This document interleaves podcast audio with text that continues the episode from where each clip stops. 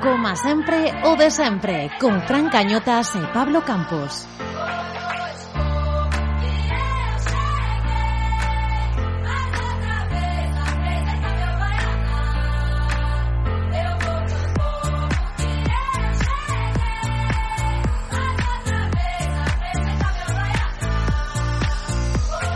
Ola, ola, señoras e señores, que tal están? Segundo programa do Coma Sempre de Sempre Veu con derrota, pero Esta semana gra non gravamos a martes, Campus. Gravamos el lunes, eh, eh, e ten mérito. Algo está cambiando eh, nesta temporada do Coma sempre de sempre. Cuidado, que non deixamos todo pa última hora. Bueno, señoras e señores, comeza, como sempre... O de sempre!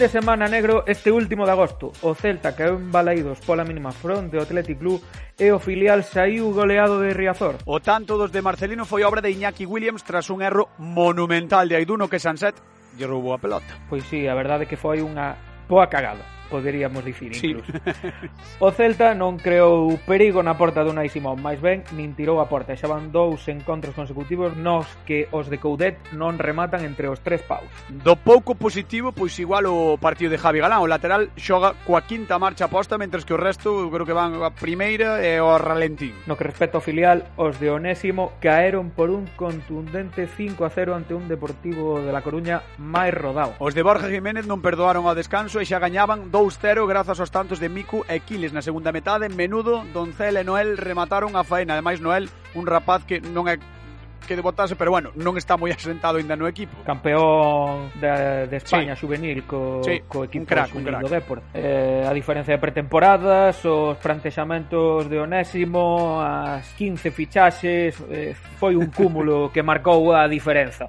Eh, pero bueno, non se preocupen, todo isto e moito máis falaremoslo agora no noso tempo de análise.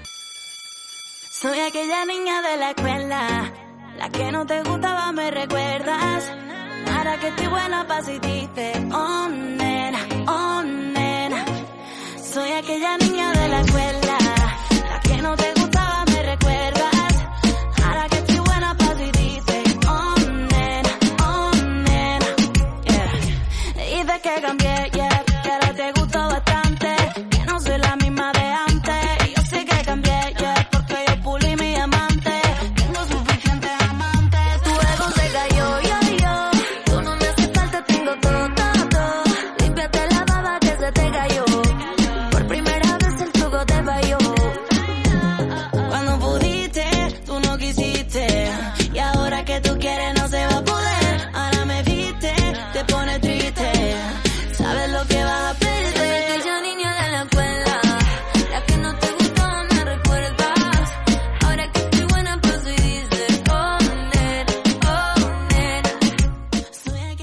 nos coxe para este tempo de análise Borja Refojos do Atlántico Diario. Que tal, Borja? Como estás? Moi boas, rapaces, como andamos? Eh, don Chicho Moldes, un dos moldes da televisión de Galicia, que tal, Chicho? Moi ben, moi ben, que estamos en festas en Cangas. Ai, iso sí, sempre... é sí, que... e iso sempre bonito. Son as festas... en festas, Chicho. Ah, efectivamente, acabamos das das festas dos Olímpicos e agora son as festas tradicionais do último domingo do mes de agosto, as festas do ah. Cristo. Ah, vale, que se fai cando son as festas do Cristo? Que é o habitual aí? O habitual é pasalo ben. Agora, na época de pandemia, xa é bastante máis complicado. Xa é bastante máis complicado. Son pero, festas atípicas. Claro, pero refírome, é o mítico de comida familiar, e tal, e orquesta, sí, vermú, sí, vermú sí, e todo sí, eso, sí. sí. E sí. sacade os barcos tamén, en procesión e tal. No, os barcos en procesión non, xa é procesión, ah. este lunes é festivo en en Cangas ah, e o Día ah, Grande, que pasa vale, vale. nin este ano nin o anterior foron festas normais. Ah, amigo, sabes? Pero eso é o día do Carme, como se nota que... Sí, que como se... o, día do Carme, sí. o día do Carme, eh, escoita, escoita, non, escoita, o día do Carme, que si sí que é cando se sacan os barcos en procesión, non vos creades tan especiais os de Costa, porque no interior tamén se celebra a festa do Carmen, que en Arzúa é festivo a festa do Carmen. Entendes? Non é só os barcos no, no pantano. Sacar esos barcos Río de Furelos ou así. Sí, no, no, no, no pantano en Porto de Mouros, sacamos sí. ali as informacións. Pasa que ahora teñen uns moi baixos, que non sei que andan aí cos pantanos ah. para arriba para baixo, que hai Cristo. Co tema dos da agua. Bueno, que o que debeu ser un Cristo, penso eu, o que foi un Cristo máis ben, a, ademais das festas, foi o partido do Celta, parece a mí, non? Contra o Atleti de Bilbao. Non sei que, que titular, que reflexión vos deixou ese 0-1, Borja. Bueno, un Cristo eu non diría tanto, non? Ao final, Eh, bueno, Era por fiar, que, tamén. a reflexión que me deixa que, bueno, pois ao final, eh, sendo indo un pouco práctico, un partido eh, sen demasiadas ocasións para ningún dos dous equipos, defínese por un erro individual, eh, e logo o Celta custalle moito, certo, eh, dar na segunda metade o, o bo nivel que ofreceu na, na primeira, non? entonces eh, bueno, mm, é un, un partido eh, raro, un partido sobre todo na segunda parte por parte do Celta non moi bon, na primeira así, eh, e que ao final queda decidido por, por, por ese erro que, que, que, custa, que lle custa puntos o, o Celta, non? Xa van tres jornadas, é certo que o inicio non é o que todos agardábamos, pero bueno, eh, isto acaba de comezar, ese algo, se algo gañou Eduardo Coudet e, e o seu equipo, é crédito, non? Entonces, uh eh, -huh. imos ter confianza e imos pensar que, que o equipo vai volver a, a xogar como ano pasado, pois eh, máis pronto que, que tarde. Eh, para ti, Chicho, que sensacións te deixou un encontro? Sí, non convirtamos este comezo nun, nun comezo apocalíptico. Sí, sí. Coincido con Borja, outro partido gris do Celta, eh, sobre todo na segunda metade, porque a verdade a primeira metade, a primeira media hora estivo bastante ben o equipo de Coudet, despois hai un erro que penaliza o equipo e acaba condicionando o partido, pero na segunda metade sí que vemos un equipo falto de ideas, falto de frescura, desenchufado, esa imaxe gris é a que acaba penalizando bastante o equipo e a que pode quizáis despertar algunhas dúbidas, porque xa o partido de Pamplona non fora moi bo, esta segunda metade non foi boa, agora chega un parón e chega ese momento de dúbidas, pero apocalipse de momento que non asa nin tampouco catastrofismo pero preocupa a, a falta de gol, ou polo menos preocupa a, a incapacidade de, de crear ocasións claras de gol e de tirar a portería, Chicho. A mí non, non me preocupa de momento. Si sí, é certo que o equipo está tendo falla de puntería, pero ás veces a puntería dos dianteiros vai por cuestión de rachas. A min, por exemplo, eh, créame máis dúbidas a sensación de falta de frescura que noto na algúns xogadores, non sei se é cansazo físico, se é cansazo mental, porque as eh, pretemporadas habitualmente son moi duras, estamos quizáis nun momento de pretemporada ou de fin de pretemporada de cargas altas, sí. pero creo que a, o que a falta de gol é momentáneo, ou quero pensar que algo momentáneo, porque o Celta crea oportunidades, pero lle está faltando definir, lle está faltando ter esa puntería, esa eficacia, que o comezo non foi ideal, sí, que hai que preocuparse, eu creo que de momento non, porque estamos no mes de agosto, estamos no final de pretemporada, aínda chega o fin do mercado de fichaxes, hai agora un parón de liga, eu creo que hai que ter un pouquiño de calma e non preocuparse en exceso con este comezo. Que o, le, que o Celta a Liga, leve A Liga comeza sempre despois do parón. Sí. Sí, pero bueno, hai que visitar Perdón, o Pablo, que te. No, no, ia dicir eso, que, que se a, a Borja Refojos lle preocupa que, que o Celta leve dous partidos en tirar a portería. A min cero.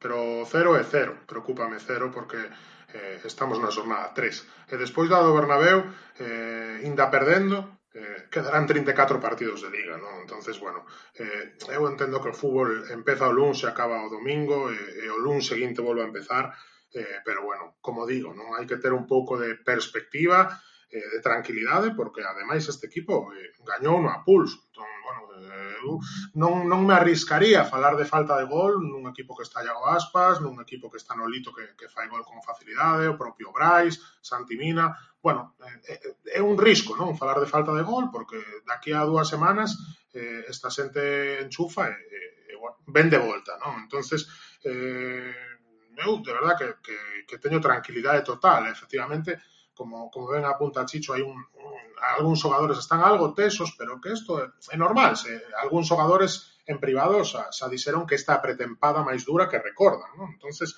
eh, as cargas mm, tan elevadas eh, van destinadas a ter o pico de forma un pouquiño máis adiante e, sobre todo, máis importante que iso, a mantelo no tempo. Non? Entón, eh, eu penso que agora esas pernas están un pouquiño tesas, sobre todo, eh, xa vos digo, en algúns xogadores nos que estamos pensando todos están un pouquiño tesos, un pouquiño eh, bueno, sen chispa, sobre todo notase nas segundas partes, pero estou seguro que eso daqui a unhas semanas vai mudar, e, e o equipo unha vez que atope o ton físico eh, eh, habitual ou o ton físico que tivo ano pasado, vai poder soster eh, esta maneira de xogar de Coudet que, que, que precisa dunha asistencia, dunha asistencia perdón, física alta e, e, e, e bueno, por agora eh, tranquilidade total, máis aló que evidentemente é unha realidade que o equipo non, non comezou ben, está algo desasustado, está, eh, bueno, algo intermitente e algo, e algo atenazado, pero, pero tranquilidade total porque este equipo gañou unha pulso. Eh, o que decías ti un pouco, non? Tamén é normal que a,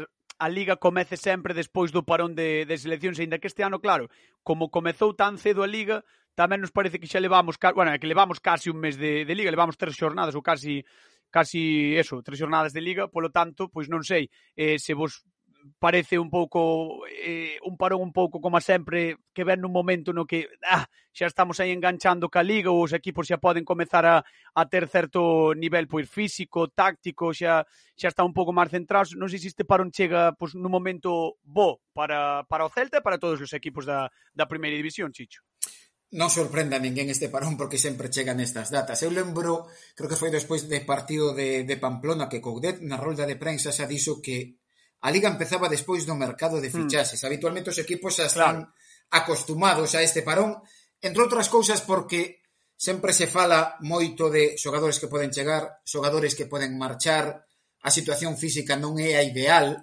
Quizáis habería, como dixo ante Pacheta no Anxo Carro en Lugo, que replantear se é bo que o mercado de fichaxes na Liga Española finalice con tres xornadas xa disputada, porque ao final hai como demasiada falta de concentración nos equipos que é inevitable, no, eh, porque hai moitos xogadores de equipos que, que van a cambiar esta está. semana. Aí está, que eh, o problema, eu creo que o problema é sobre todo, pois, claro, ahora que se fala tanto do, do, do tema Mbappé, do Real Madrid, o PSG e tal, eh, eh, claro, ti imagina que tens que xogar co teu equipo ou co equipo no que estás contratado cando sabes que o teu representante está a piques de pechar a incorporación a un novo equipo. É dicir, eh, ten que ser todo un cúmulo de, de estados mentais de moitísimos xogadores que non teñen asegurado o seu futuro nos equipos, que iso tamén influirá a hora de, de, de, de desenvolver o teu fútbol. Bueno, ahora, ahora que citas a Mbappé, Fran, eu non sei se virá ao Madrid ou non, eso eh, saben o millor outras persoas, pero se vai vir eh, non lle afectou moito onte porque no. dous goles no. e eh, xogou sí, bueno. Sí, pero non todos os xogadores son Mbappé, quero dicir, eh, non todos ao mellor teñen a fortaleza mental que pode ter el, ou non todos ao mellor están na mesma situación co equipo que lle paga, ou non sei, eh, quero dicir, eh, cada xogador é un mundo, cada situación persoal é un mundo, e podo entender que eu creo que sería moito mellor pois o que di Chicho de Pacheta, eh, rematar a, ao mercado no, de fichaxe. Pero, pero xa ti todos, Fran, eu claro, penso que, que ninguén... Claro todo o mundo estamos de acordo que, que a Liga debería empezar con mercado de fichaxes espechado. O sea, eso penso que é algo que todos estamos de acordo, menos menos pois os clubes ou, ou ou quen leva quen leva a batuta neste neste mm. tema, non? Evidentemente a nivel deportivo non hai ningunha dúbida que para adestradores e para xogadores e para a xente que nos gusta o puramente futbolístico e deportivo, eh, as ligas deberían comezar co mercado pechado, pero eh, é o que hai e eh, hai que adaptarse. De, despois hai, hai outra vertente que é a xente que di que estas tres xornadas eh, danche a posibilidade de ver donde podes ter carencias e se podes mellorar un pouco eh, o teu equipo nestes 15 días que quedan desde que empeza a Liga hasta que remata o mercado de fichaxes, pero eu creo que é imposible eh, realmente saber con exactitude todos os problemas que pode ter o equipo ou anticiparse a todo o que vai pasar durante a temporada, porque evidentemente ti sabes as carencias que ten o teu equipo, pero tanto como para eh, resolvelo en 15 días, se non o resolveches en dous meses, non eu creo que, que facelo en 15 días tarde mal e arrastro, bueno, pois eh, non sei hasta, hasta que punto é bo. Falando do Celta, falando dos problemas defensivos que é unha constante que, que levamos eh, repetindo ou falando diso durante varias temporadas, eh, bueno, vexo que na televisión de Galicia, Chicho, vexo que tamén nos xornais está despoñendo que que Morillo está a piques de chegar, tic-tac, que está moi de moda, tic -tac. non? O tic-tac. eh, Bueno, fai falta. Credes que, que ten que chegar un central máis a, a Casa Olívica, Chicho? É inevitable. Xa o di dende hai tempo o adestrador, xa por unha cuestión numérica, hai nestes momentos catro centrais que son Carlos Fontán, Araujo e Aidú. Aidú sabe que non ten a confianza de, de Coudet, máis aló de, dos erros que teña este xogador. Sabe que non é un xogador da confianza que non lle gusta en exceso a Coudet, quizáis porque os seus erros acaban penalizando demasiado o equipo, todos os xogadores teñen erros, pero non sei que pasa que os de Aidú acaban sendo determinantes e iso na balanza pois desequilibra moito para que escollan a ese xogador, pero se busca, se precisa algo por unha cuestión numérica xa o Celta eh, un central. E para ti, Borja, fai falta, si non, en tú que tamén. Home, eu remítome máis o, o, o que dixicho da cuestión numérica, non? Precisas eh, precisas un home máis na, na retagarda. Xa non só polo tema dos centrais, que evidentemente tamén, e por, e por ter un central, entre aspas, eh, titular ou máis titular, como, como pode ser Murillo, um, senón tamén porque eh, necesitas un efectivo máis tamén para cubrir o lateral esquerdo con José Fontán, non?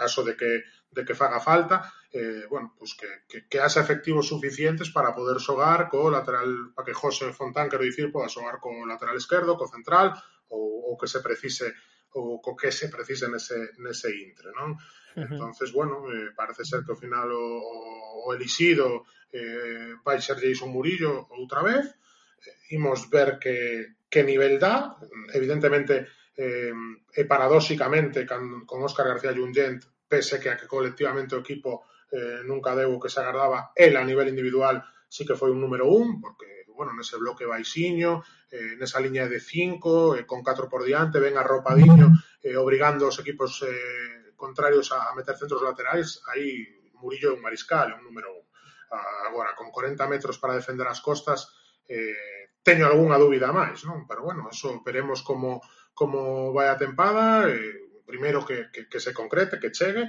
eh, e logo veremos como vai a tempada, o que si mm, teño razonablemente claro é eh, que, é que Murillo ven para xogar e para ser titular, eh, pola xerarquía que ten, polo peso específico que ten dentro do vestiario, porque ao final, inda que se esa terceira vez que, que ven o Celta, eh, bueno, pues non deixa de ser un, un xogador que o ano pasado estaba aquí e eh, o anterior, alo menos en media tempada tamén, así que xa é un xogador eh, con peso e polo seu carácter tamén con ascendencia no vestiario, como se suele dicir. Así que entendo que, que será chegar e xogar eh, o allá, non? O allá lle vai a ben, o allá esas limitacións que, que poida ter en campo aberto, en saída de balón, en, en, en dar a volta para correr para atrás, eh, poidan verse pois eh, pulidas ou, ou, ou maquilladas, e, e ao mesmo tempo pois esas fortalezas que ten en canto a liderazgo, en canto a jerarquías ou a aéreo contundencia, pois axuden o Celta sí. eh, a facer unha tempada mellor. Ollo unha cousa, eh, como di Borja, vai chegar vai sumar, vai ser titular, porque xa era titular con Coudet, pero ollo porque tampouco vai chegar coa capa de Superman como gran salvador dos erros defensivos do equipo, mm. porque para min é dos xogadores que a temporada pasada tuveron unha campaña discreta co Celta.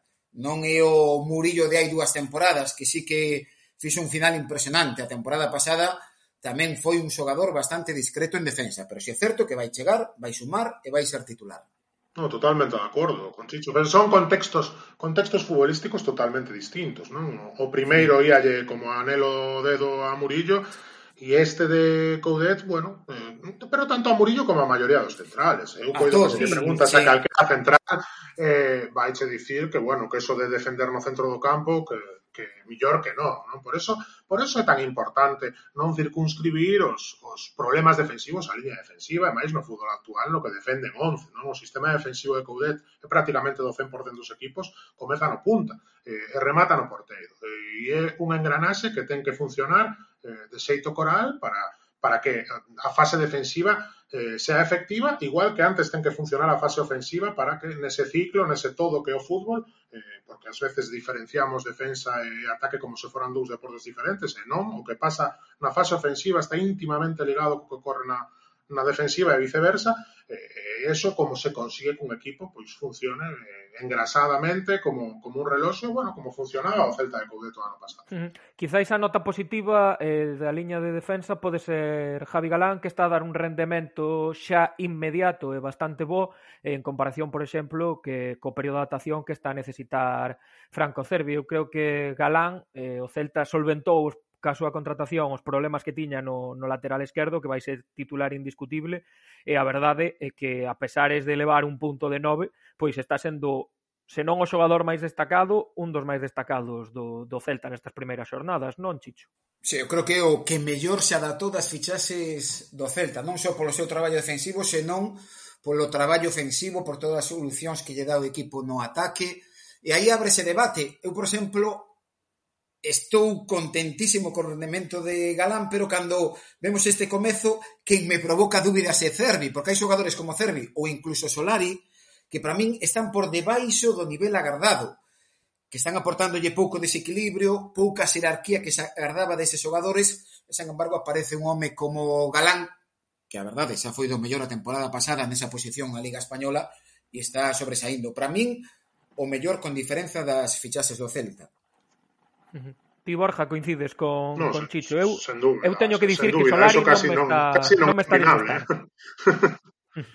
non, nin a min, nin a min. A min Solari non, non é, é un xogador que me, que me agrada, quero dicir, é un, é un xogador que coñece o seu rol, o seu papel, e, e, e cando sae cumpla, ademais penso que cumpla a perfección, evidentemente non lle podes pedir desequilibrio, porque non é un extremo vibrador, pero sí que ten percorrido, sí que ten bo centro, eh, bueno, no, é un xogador que, que me agrada, tamén non agardo de el que, que veña a marcar as diferencias, como sí que o podes eh, agardar de, de Franco Cervi, non? De todos os eitos, bueno, estamos a falar dun xogador que, que acaba de chegar, como, como dicíades, non? Hai xogadores que, que se adaptan ao momento e rinden dende o primeiro minuto e outros que lles custa un pouco máis, ademais Cervi, bueno, viña de, de non xogar moito en Lisboa, así que, bueno, eh, si, si o adestrador estaba tan empecinado en, en fichalo, eh, máis alo de que o inicio bueno, non, non sexa o agardado ou o esperado, pois penso que paga pena ter un poquinho de paciencia e, e agardar que Franco Cervi pois, dé, dé o nivel que, que todos esperamos que dé.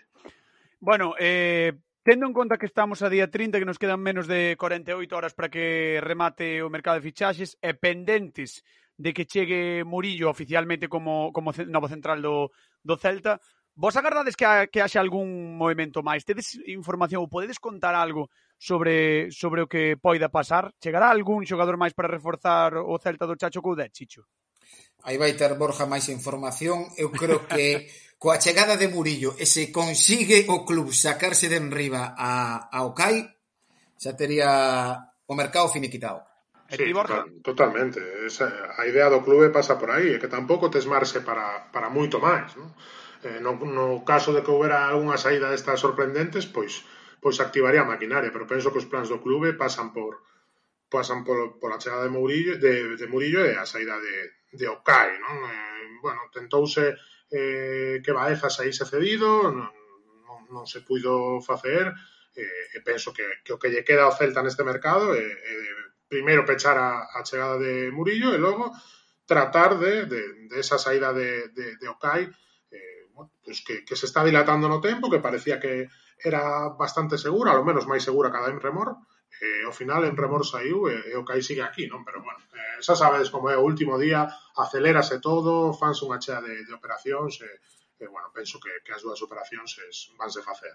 A, a min dá a idea de que, de que vai ser un último día de mercado bastante interesante. De feito, eh, na radio sempre contan que, claro, hai anos todos, o sea, vos máis que ninguén recordaredes cando se apelotonaban todos os xornalistas na sede da Liga para estar pendentes tal, e que estes últimos anos, claro, co, como vai todo por redes sociais e, e demais, pois que non había prácticamente ninguén ali porque todo iba todo ia xa informatizado, ou todo avisabas, podías mirar cando registraban os xogadores, pois din que este ano vai volver a haber moita presenza na sede da Liga por parte dos xornalistas de cara a ese último día, así que eu espero vivilo así cun pouco de, de interés. Estou un pouco nervioso, eh? teño que comentar, que, confesar que estou un pouco nervioso porque porque me gusta moito o último día do, do mercado de fichaxes. A verdade é que eu creo que vai estar interesante. Eres un romántico, Fran, iso desapareceu, sí, xa. Iso sí, desapareceu, como dis agora a Liga xa vai informando de que xogadores sí. van inscribindo e xa non aparecen ali directivos con bolsas cheas es que de era, era tan bonito, era tan bonito ver chegar a Caneda e pelearse ali con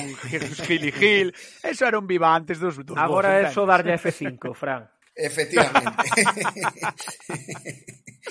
bueno, imos co B, Campos. Sí, veña, falando de fichaxes, hai que falar dos máis de 15 fichaxes que realizou o B neste mercado de verán. O último, o porteiro Coque Carrillo, procedente do Barça e natural de, de Pontevedra, que se convirte pois no segundo, terceiro porteiro do equipo de Onésimo. Non sei como vedes ou que esperades eh, do B esta temporada, xa que é unha temporada de moitos cambios, na que eh, renovou o Onésimo, pero bueno, daquela maneira, que soaron nomes para o banco, que se foron moitas das pezas importantes que o ano pasado pelexaron por ascender eh, a segunda división. Non sei que, que agardades, Borja bueno, eu agardo velo, velo xogar sí. Eh, eh, eh, ver que como van evoluindo os partidos como vai evoluindo o equipo ao final eh, os filiales é moi habitual que, que, que fa unha segunda volta moito mellor ca, ca primeira e eh, volta parece eh, que polo menos ten que ser así ou debería ser así porque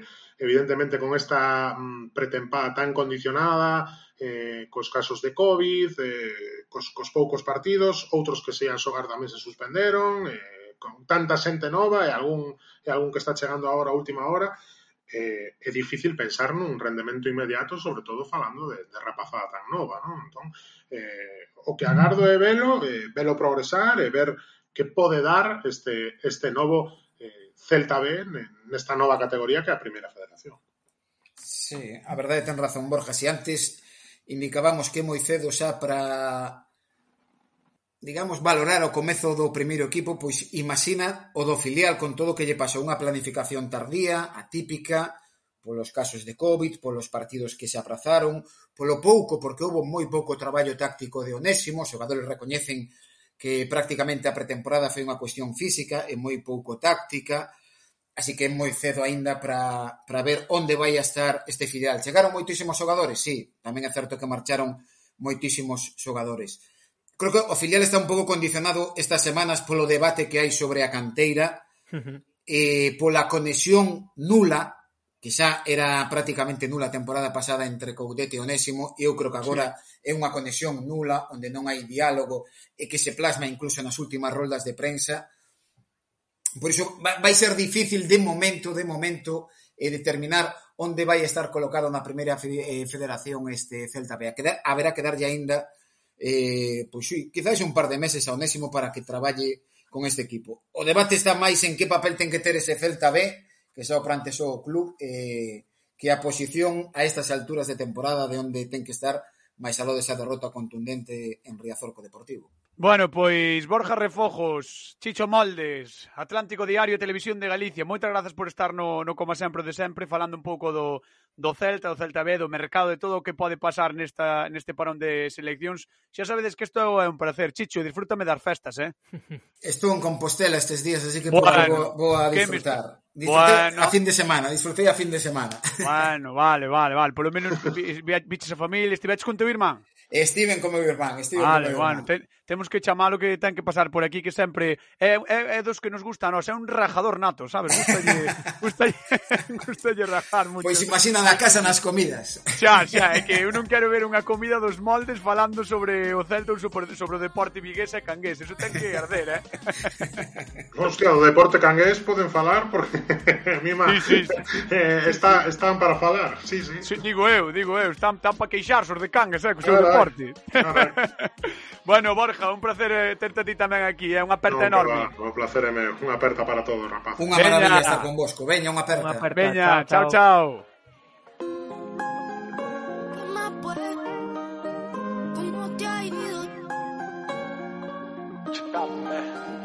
¿Qué más pues? ¿Cómo te ha ido? Sigue soltero, ya tiene marido. Sé que es personal, perdona lo atrevido. Te pedí en Navidad y Santa no te ha traído. Pero ¿qué más pues?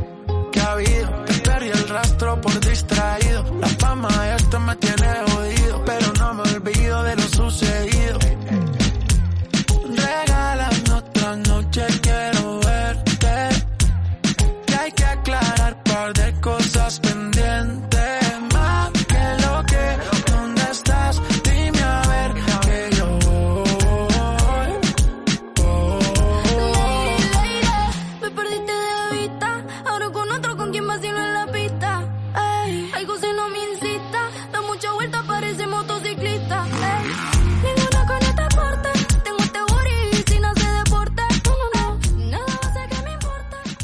como sempre, somos xente que cumpre as súas promesas e, e tamén traemos a xente que cumpre as súas promesas, que iso é o máis importante. Fai dous meses, no último programa antes de verán, dixemos que se si Nico Rodríguez conseguía unha medalla nos xogos, que volvería a pasarse polo programa. Dito e feito, está connosco esta semana na zona mixta do Coma Sempre de Sempre, Nico Rodríguez, bronce en vela nestes xogos olímpicos de Tokio. Que tal, Nico?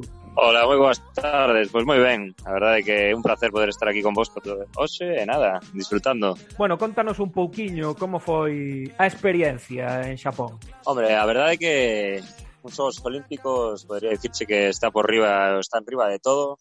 Eh, ás veces pensas que un mundial e un europeo pois xa ten xa teñen moita presión e tes moitas cousas pois no lombo, no? como quen di, da, da presión que conleva pero de repente chegas aos Xogos Olímpicos e daste conta de que calquera cousa que, que che contaran antes ou, ou que ti viviras non ten nada que ver con, con bueno, con estar ali e, e a presión que conleva loitar polas medallas, non? Porque calquera decisión que tomas e calquera cousa ao redor do evento pesa moito máis, eh, levache un pouquiño máis de tempo de facelas que, que en condicións normais. Entón, bueno, sen dúbida é unha experiencia brutal e, e moi persoal, dirías. Eh, eh, e dirías que é unha experiencia como lle pasa a moita xente por exemplo, facendo o camiño de Santiago, que unha vez que chegas ali, pois parece non é como unha competición calquera, non? Chegas ali e ten os seus procesos, son moitas horas de viaxe, o tempo de adaptación, non sei, é, é moi distinto o resto de competicións que faz habitualmente? Bueno, eh, con respecto ao que ti dis de adaptación e demais, pois é un pouco en función do país e, eh, eh do que claro.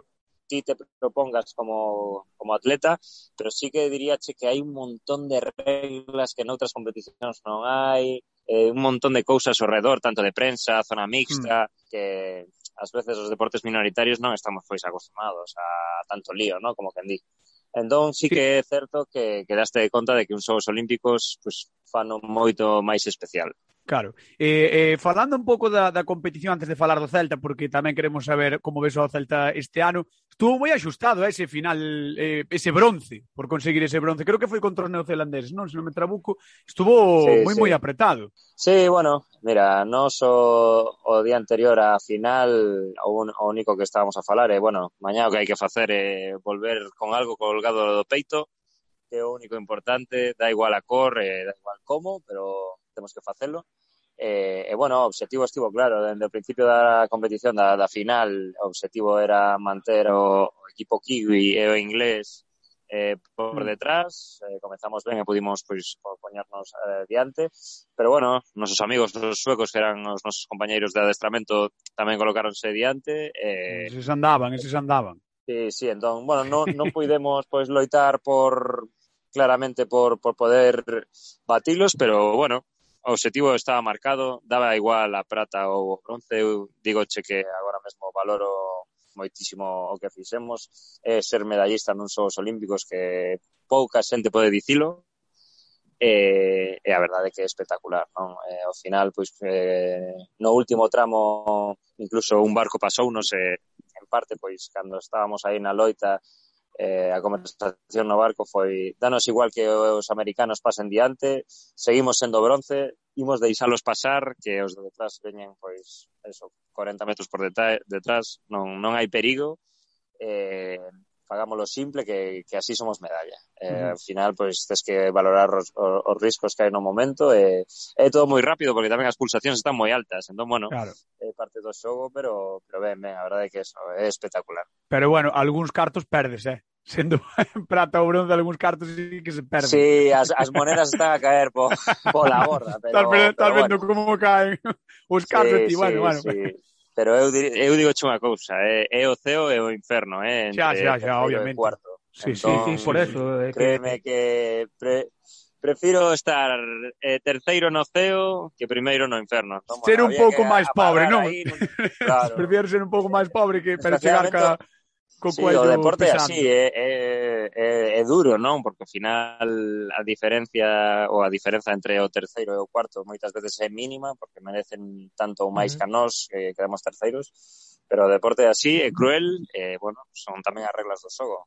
E que ademais nestes últimos xogos España sacou unha cantidade de diplomas bastante grande, eh, en comparación co de medallas de eso demostra a, o, o difícil que é quedar entre os tres primeiros. Sí, sí, sí. É moito máis complicado do, do que a xente cree ou do que parece, porque aquí moito falábase antes da, das dos xogos, non? E candidatos a medalla, podes ler as quinielas na prensa. Sí, buf. E claro, aí todo o mundo di e parece moi doado, pero despois xa que chegar, a, chegar ali moita xente está como a ti, que son cinco anos de preparación, moita xente está co mesmo objetivo que é mm. subirse ao podio, e só tres poden facelo. Entón, bueno, eh, eu digo, che, é moito máis complicado do que parece. Tamén mm. as situacións poden darse mellor ou peor. A noso campeonato pois non se nos deu moi moi ben. Empezamos un pouco pois agarratados, costou, costounos un pouco entrar.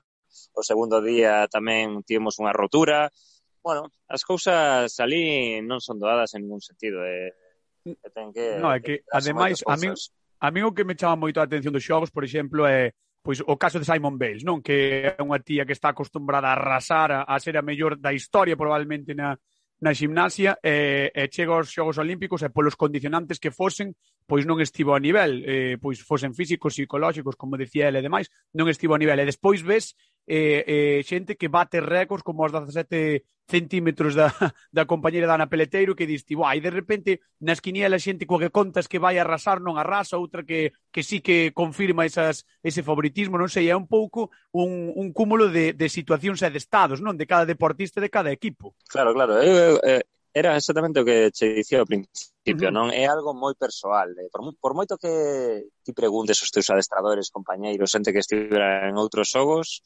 tes que estar ali e vivilo, porque é, é moi complicado, non? Cada un pois metaboliza as cousas dunha mm. maneira e, eh, e bueno, a, eu diría che, entre Jordi e min, eh, mm. pois hai diferenza de como plantexaremos os, a seguinte campaña, eh, os seguintes Xogos Olímpicos podemos ir en función da experiencia que temos agora, porque porque as cousas cambian eh. e ali as cousas pesan e non é doado. Eu agora penso de Simón Biles, o de Simon mm. Biles, eh, e cando fun a villa despois de gañar a medalla tal, todas todas as persoas que saían da tenda con merchandising mm. era coa cara de Simon Biles nas, nas bolsas. Que pasa? Entón, dis, claro, esta rapaza chegou aquí e todo o mundo levou bolsas coa súa cara. Entón, mm. iso ten que pesar ao final, porque é a presión do teu país, a presión pois do teu redor. Ao final, claro. pois tamén uh -huh. ela expúsose, non? Porque para aparecer aí alguén pagaría. Pero, pero claro, eh, estas cousas son así. Sí, sí. E falando da Vila Olímpica, que tal? Como se viviu o ambiente na, na Vila Olímpica? Había camas de cartón? camas? Había camas de cartón camas. ou non? Sí, mira, eh, eh, estivemos ali un día, porque nós tiñamos unha vila paralela, non? Eh, porque a vela estaba a 60 km de Tokio, entón, uh -huh. estivemos nun hotel, pero cando estivemos ali, a verdade é que a cama era moi cómoda, dura, eh, sí que eran de cartón, pero vamos, eu creo que cun martillo pilón había que tirarlas, eh, porque non era tan doado. Home, eu vin, eu vin un xinasta inglés facendo volteretas encima da cama, e sí, non sí, rompía, digo, o sea, sí. que... Sí, sí, tiñan unha boa estrutura, eh, porque eu fixen así co dedo e non era tanto algo, eh, non eu estuve apretando ali, aquilo era como unha pedra. Era, eran antisexo, como se rumoreaba. ah, non provei, pero non sei, non sei. E outra preocupación que tiñamos antes de cando gravamos o primeiro programa, ali polo, polo mes de xuño era o, o material chegou todo ben, tivechedes algunha algún problema ou algo, algún percance? Hubo que hubo que reclamar os avións xaponeses ou non? Non, non, ao final todo chegou ben. Non quero saber como foi a factura para a federación, pero no, no, chegou mellor. todo en orden. Oiches, eh, eh, outro día estive mirando eh, as redes sociais e teño a, a Sabela Arán, a, a compañera actriz nas, sí. nas redes, e vin que subeu unha foto así ca túa, ca túa medalla e eh, eh, quedei-me impresionado do, do grande que é, non, do grande que é tam, eh, eh en relación á palma da man e do, e do chula que é. Eu non sei cando, cando che deron como que daches ti de dicir, ostras, era a primeira vez que villas unha, así en eh, directo, no, no, a, a túa propia. Non, a miña propia seguro que era a primeira vez. Home, pero... sí, a túa, sí, a ti, a túa sí. Pero, pero refírome se si era a primeira vez que vías unha medalla olímpica. Non, non, eh, xa vira pois algúns compañeiros, tamén de Juan, Juan de la Fuente, un dos nosos uh adestradores, eh, tiña dúas, eh, na última concentración que tivemos con él, apareceu coas dúas medallas para tratar de animarnos e, e de ensinarnos que, que era posible e que, que, que tiñamos que volver de Tokio con unha. Tens que ter cuidado a quen lla deixas, eh? porque xa vin que fuches a, ali, hoxe estiveches en Radio Marca e falaches eh, tamén, estiveches en, dando entrevistas e tal. Sí, sí, e que estou, estou de tour agora. Ti, ti das a medalla, eu vexo todo o mundo sacando fotos, que a túa medalla, ti das a medalla, a la veña. Pero sí, sí. tira sí, de sí, bolsa. Eu eh? diría, che, unha das cousas que estou a disfrutar máis é eh, de poder con, compartila coa xente, non? Ao final, creo que unha das cousas que estou a dar conta tamén estes días é que dun proxecto persoal, co meu equipo, coa miña xente, ao final pois consegues eh, facer disfrutar mm. a xente, non? Algo persoal pasa a ser colectivo e creo que eso iso fai pois moi especial. Eh? Eu estou a disfrutar moito de destas de semanas despois dos xogos porque penso que moita xente está contenta realmente por, por algo que, que non é de deles, que non é propio, non? Que é meu. Entón, eu creo que é algo moi bonito e, Entón, bueno, eu creo que non... Eu vou coa medalla aquí eh, no bolsillo. Vas con ela, en plan, eh, cruzanse contigo, Buah, non terás a medalla para sacar unha foto. Si, home, saca do pues, bolsillo por, peto. Por Venga. agora sí, chegará, chegará un día que non, pero pola, polo de agora sí. Pois vais pasar como a Menabre, non sei se si, si sabes a historia que Menábar cando gañou o Óscar eh, foi á festa despois oficial co Óscar, e claro, dicía ele, empecé a deixar o Óscar á xente, e de repente vi o Óscar a 200 metros de min, a xente bebendo, sabes, levantando o Óscar, tal, por aí adiante, e ao final tiña que andar detrás do Óscar porque non tiña ni idea de onde estaba, vai pasar máis ou menos igual. Bueno, sabes cal, cal é a ventaxa? Que agora co tema das restriccións e do COVID, pois claro, a unha da mañá claro. estamos todos na casa, entón non é tan doado. Eso, eso, eso é verdad. Tens que desinfectala ben, eh? Sí, sí, a miña neixa me dixo que eh, se alguén ten COVID en Vigo é a medalla. Seguro. Seguro. Dalle Campos. Falabas antes da, da, da ledicia, de facer feliz a xente. A min fixeches moi moi feliz a primeira xornada de Liga en Balaídos, cando te vin ali al lado de Teresa Portela, de Ana Peleteiro, ca medalla, facendo saque da, on, da honra. Eu a verdade é que dixen, boa, quedou nos mallao o último programa que fixemos da temporada, saiu todo a pedir de boca. A xa, que sí, eh? xa está, sí, quedou, quedou perfecto. Que sí, porque aparte dixémolo, non? Sí, sí, sí, sí exactamente, sí, sí. Sí, sí, sí. Sí, sí, sí, sí no, mira. a verdade é que saiu todo ben, digo, che, eh, custa moito máis do que parece, porque mm. ali eu pensaba que, bueno, tal e como foran os últimos anos, pois que podíamos facelo e que era unha realidade, pero despois chegas ali, eh, en algún momento dicen, buf, temos que sufrir, eh? E sufrimos, porque algún día chegamos a ir séptimos. Eh, entón, algún día acordeime de vos aí e dixen, bueno, eu teño que sacar isto adiante, hai que loitar, porque claro. senón se queda honra claro, o caralho. Claro mira ti que, mira que, mira ti que ben. Viñas por aquí dixemos, tranquilo, neno, vai chejar o material ben, vas ter problema ningún, vas estar aí loitando pola medalla, ti todo pesimista, bueno, a ver, tal, sigue. Como vos gusta os deportistas? No, que está moito fora da nós, tranquilo, home, que aquí nós confiamos e ahora despois vas facer o saque de honra, tal, bueno, isto non hai cartos que o paguen, é o que fixemos por ti nós, O que fixemos por ti, vamos. Non hai cartos en, en, en todo o país que o paguen. Eso é así. Bueno, contanos un pouco, que, que, que ven agora por diante? Que, que obxectivos tes? Pois pues bueno, primeiro, disfrutar, non? Estou disfrutando un montón de, deste momento. Eu dicía que a miña vida remataba o 4 de agosto. Eh, ese día xa chegou, eh, cumplín o soño da miña vida, que a verdade é que ser medallista olímpico é brutal. E agora, nada, estou un pouco pois comenzando a, a pensar. A miña categoría pasa de ser 470 masculino a mixto, entón teño que acabar de ver se, se quero seguir ne, na mesma categoría eh, verse pois, unha rapaza facer un novo proxecto ou se hai algún cambio noutras categorías e ver se, se me adapto. Entón, bueno, eu creo que en setembro tomarei de reflexión intentando ver como, como van as cousas así nos equipos e ver que decisión tomamos, pero estou 100% seguro de que quero loitar por, por estar en París e, por que non, de loitar por, por outro soño olímpico que, que é moi bonito. Obviamente, obviamente.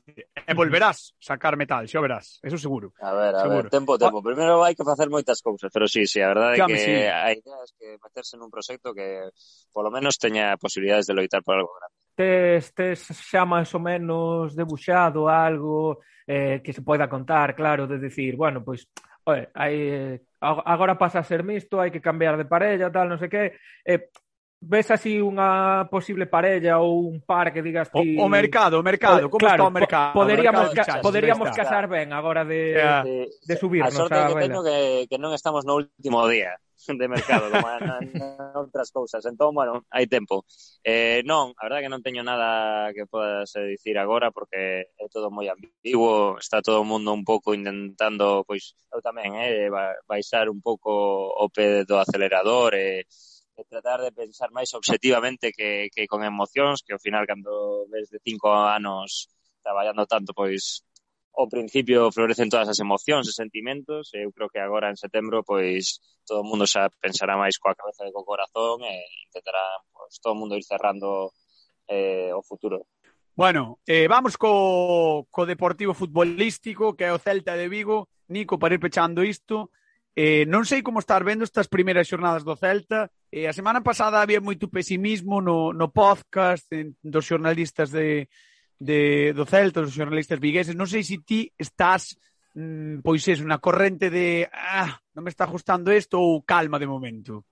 Eu son máis de, de calma, a verdade. Eu creo que o ano pasado tivemos, pues, claramente demostrouse que hai un proxecto, non? Que, que as cousas teñen que chegar, hai que traballar, eu confío moito na xente que está, creo que demostraron que, que poden ser rendir a un grandísimo nivel, Eh, eu creo que eso, temos xente que vai chegar nova, que está chegando e que teñen que adaptarse. Eu creo que, que equipo temos, a xente que está xa demostrou que pode facer un moi bo traballo e hai que confiar, no? hai que deixar que a xente traballe, que, que, que pues, coordinen ben todas as posicións, hai xente que chegou tarde da pretempada, lesións, Entón, bueno, que si pois Araujo a Copa América, eh, Tapia estivo fora tamén.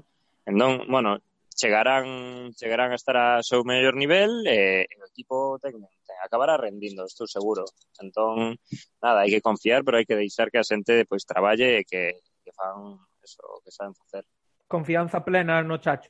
Sí, sí, confianza plena no Chacho. Eu son moito de, de que ás veces os proxectos teñen que levar anos. Eh, a min non me gusta moito a política do fútbol de en cinco xornadas a cambiar de adestrador, estas cousas. Eu creo que, bueno, ás veces se non confías, pois entendo que podan surxir esas situacións, pero creo que o Chacho xa demostrou o que tiña que demostrar ao chegar, sacou o Celta do pozo, e agora eu creo que eu persoalmente eh, o que lle daría é tempo para medrar.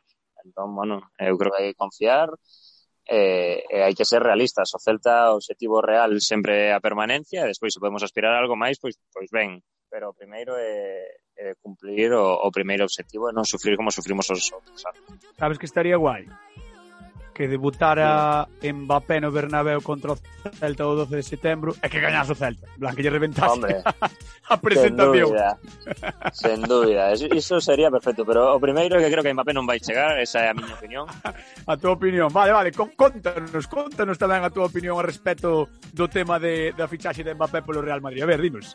Eu creo que este os, os jeques non van dar o seu brazo a torcer, creo que teñen a opción de ter un triplete eh, arriba brutal, eu creo que eh, prefiren ter os tres e pagar que recibir o dinheiro e así despois tratar de, de gañar a Champions. Sí, eso é o que creo, pero despois se verá. Con Mbappé ou sen el o caso é que gañe o Celta no Bernabéu, non, Nico? Exacto, iso é o único que importa, ou puntuar. Se, se puntuamos, puntuar. Eh, Pois, Nico Rodríguez, moitísimas grazas, de verdade, sempre é un placer falar contigo. Eh, xa antes de que tiveras a medalla, agora moitísimo máis. Xa antes era un placer falar contigo, eres un, un crack, un tío genial, de verdade. Así que moitísimos parabéns por esa medalla, moitísimos parabéns polo celtismo, nada. Xa sabes que eu como sempre de sempre a tua casa, cando queiras aquí estaremos. Perfecto, moitísimas grazas. Veña, unha aperta, aperta, chao. Unha aperta, chao, chao.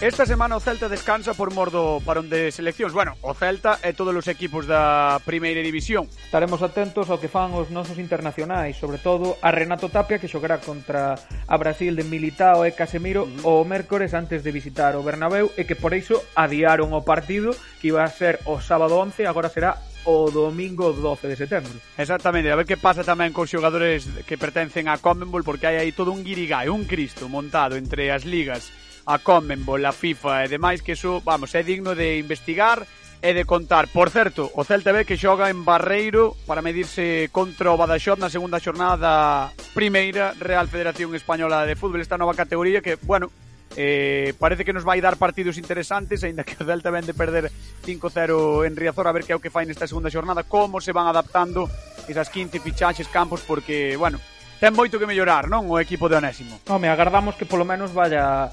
Home, a peor que na primeira xornada... A peor é, é imposible. É, dif... Home, é difícil. Eu agardo unha melloría, polo menos que adestren todos xuntos eh, os rapaces con Onésimo, porque a temporada, pois, como xa falamos, foi o que foi. Entón, pois mira, que, que empecen a xogar xuntos, e eh, o Badajoz pois é un, un rival que está chamado a estar arriba na, na categoría, pero bueno, que, que hai que empezar tamén a sumar de vez en cando. Bueno, pois o Celta 18º na primeira división con un puntiño está agora mesmo en postos de descenso e o Celta ve pechando a clasificación da primeira Real Federación Española de Fútbol con cero puntiños. Señoras, señores, ata aquí chegou o como sempre de sempre desta semana. Vémonos a semana que ven. Chao, chao. Ata a próxima. Coma sempre o de sempre con Fran Cañotas e Pablo Campos.